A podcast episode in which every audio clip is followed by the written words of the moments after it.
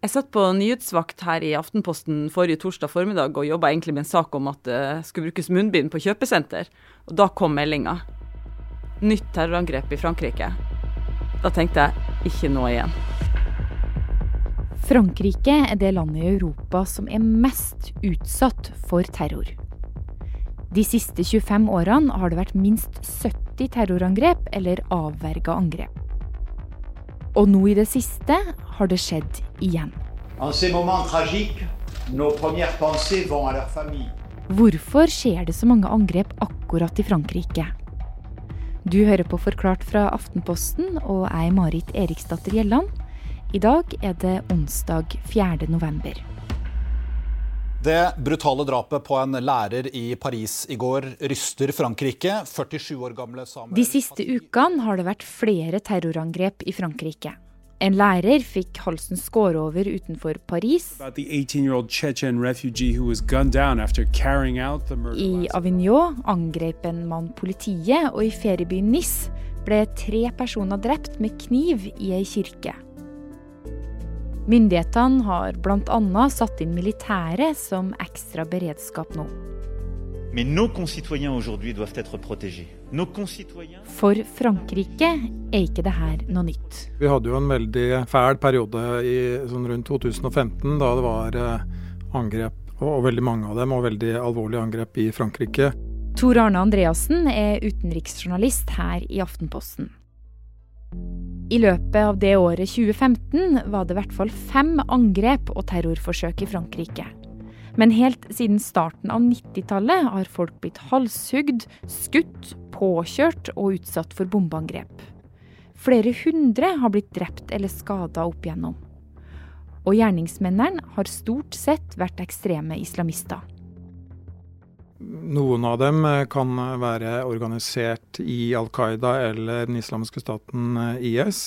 Andre er, eh, kanskje har en mer løselig tilknytning til sånne terrorgrupper. Noen kanskje, har kanskje ikke noe tilknytning i det hele tatt sånn organisatorisk, men ønsker å gjennomføre angrep på vegne av eller i sympati med disse gruppene.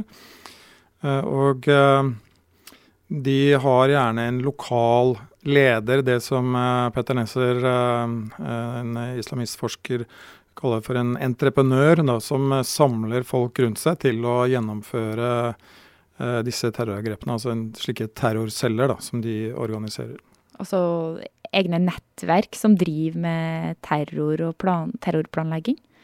Ja, det man ofte ser er at det, er, det dannes ganske uavhengig av hverandre slike terrorceller som gjennomfører eh, angrep, eh, ofte uten at de trenger direkte styring fra noe eh, stort terrornettverk, men som kanskje da har en eller annen forbindelse likevel, og som i, det minste har en ideologisk, ideologisk sett har den samme plattformen.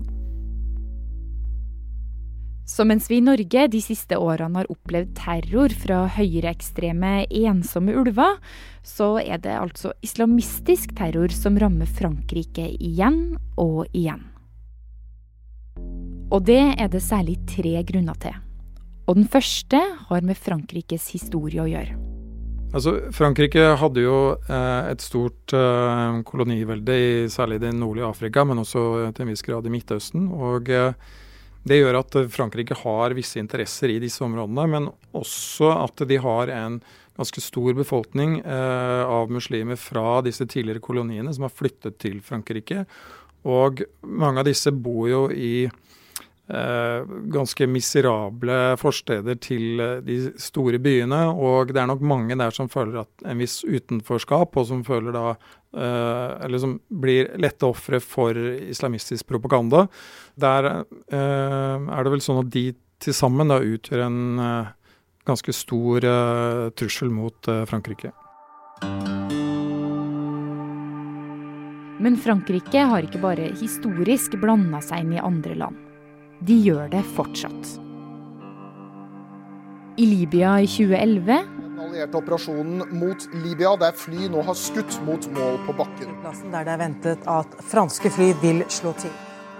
Under borgerkrigen i Syria og i det lille landet Mali i Afrika, som tidligere var en fransk koloni. Now, just this weekend, a real test to France's forces and commitment in Mali. Uh, the Malian and French troops cooperating together, obviously. Og det at Frankrike fortsetter å blande seg inn i konflikter utenfor deres egne grenser, det er grunn nummer to til at landet er ramma av så mange terrorangrep.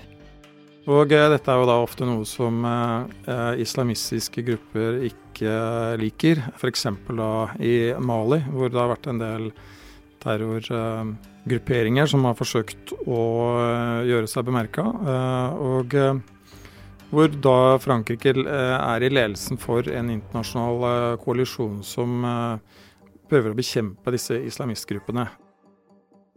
Men du, altså, det er jo veldig mange land som blander seg inn i konflikter i andre land. altså Ta f.eks. USA. Hvorfor blir akkurat Frankrike så hardt ramma da? Ja, Nå er det jo ikke bare Frankrike som eh, opplever at politikken som de fører ut i verden, fører til at de blir utsatt for terrorangrep. Det ser vi jo i veldig mange andre land òg. Men eh, USA f.eks., eh, der har de nok vært flinkere til å Eh, avverge terrorangrep, mens eh, det har man ikke lyktes med i samme grad i Frankrike. Og så er det jo da sånn at eh, Frankrike har en ganske stor muslimsk befolkning, og mange som har blitt radikalisert opp gjennom årene, og som derfor gjør at det er vanskelig å holde kontroll og, og avverge alle terrorangrep. Og så blir de provosert da når de ser at uh, Frankrike blander seg inn i konflikter i andre land mot islamister der? Ja, det kan være det, men det kan også være det at uh, Frankrike blir et uh, godt mål, fordi at de blir lagt merke til internasjonalt uh, politisk. og Derfor så er det da opportunt for en terrorgruppe å si at de skal rette sine angrep mot Frankrike.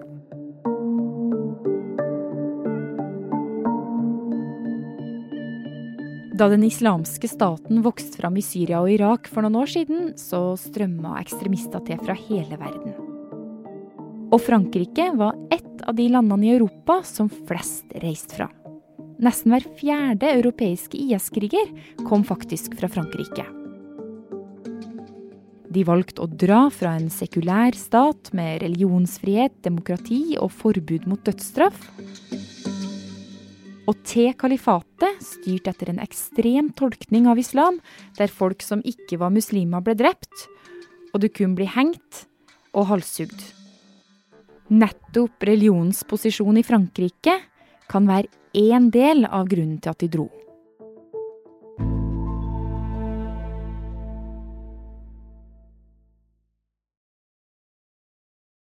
På fransk så har man et uh, ord som er veldig viktig, som heter la laicité.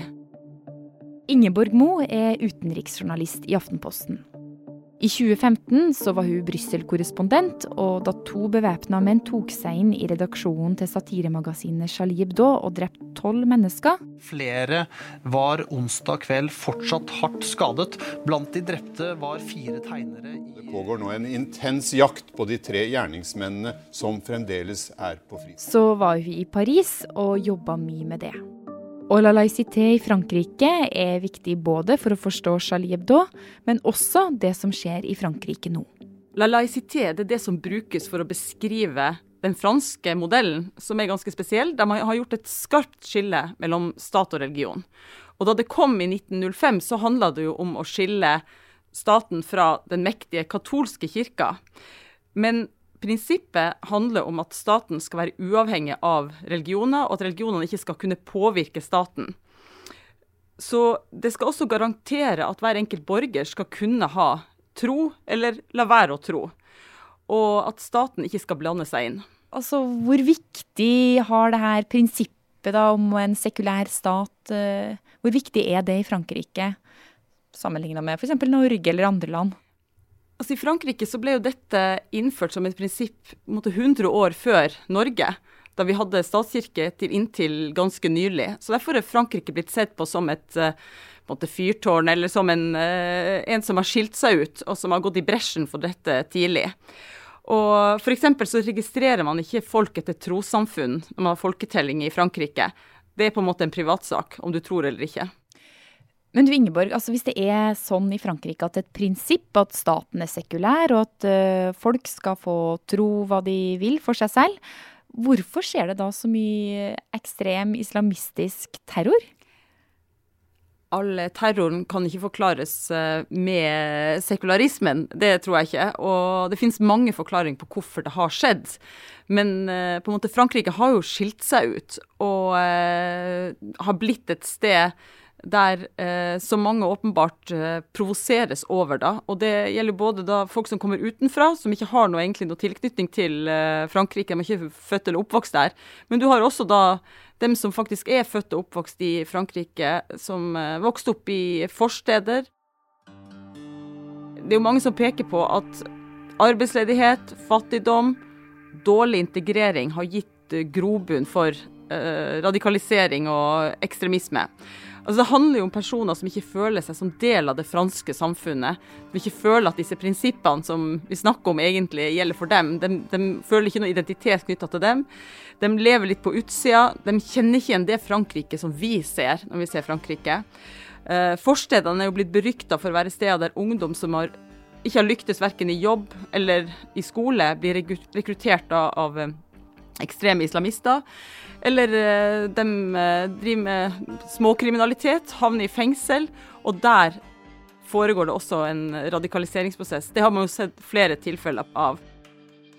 Eh, og når det gjelder den sekulære staten, da, så på en måte understrekes det jo at den er ikke imot religion. Folk skal jo gjerne få tro. Men for enkelte blir det likevel tolka slik. Eh, altså F.eks. når Frankrike har forbudt eh, bruk av heldekkende drakt for muslimske kvinner. Og da blir det på en måte brukt som et eksempel på at uh, dette prinsippet er imot islam.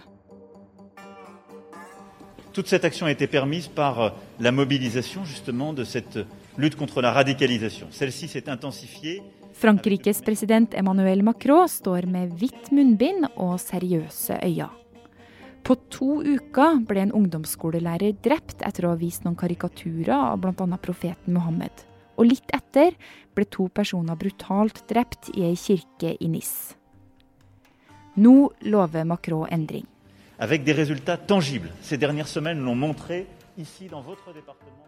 Han vil ta passet fra folk som er dømt for å ha trua landet. Politiet skal få bære våpen de neste to årene, og han lover mer innsats for å finne og stoppe radikale muslimer. Det er jo lett å forstå at Macron mener man må gjøre noe mer for å unngå at terroren fortsetter i Frankrike. Eh, det vil jo alle som bor i Frankrike. Eh, og tiltakene går jo ut på, på en måte å bl.a. å hindre framveksten av islamistiske ekstremister. Men så kom jo da dette prinsippet at man ikke skulle blande seg inn i, i religion. Eh, det kan jo på en måte skape litt vanskeligheter og, og også misnøye. Så selv om alle de aller, aller, aller fleste, både kristne muslimer og andre som bor i Frankrike, ønsker å få slutt på terroren, så eh, er det jo en del som er urolig for at virkemidlene kan igjen føles fremmedgjørende. Jeg tror jo at uh, dette er ikke siste gang at uh, denne konflikten er oppe. Altså, selv om kanskje Frankrike klarer å dempe konfliktnivået nå, så kommer denne dukke opp igjen. Om det er i Frankrike eller et annet, annet land, det mm, er ikke så godt å si akkurat nå, men det kommer tilbake igjen. Uh, alle de folkene som følte at de måtte reise til Syria for å slåss for den islamske staten, uh, det er mange av de som fremdeles lever, og de står nok for mye av det samme fremdeles. Og den, den trusselen som man har fra ekstreme islamistiske terrorgrupper, den, eh, den, er ikke borte, og den kommer til å ramme Vest-Europa igjen.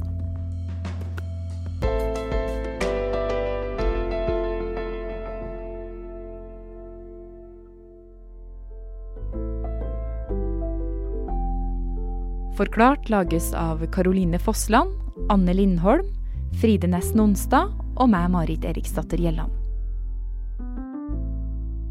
Du har hørt lyd fra NRK, BBC, Al Jazeera, France 24 og nyhetsbyrået AP.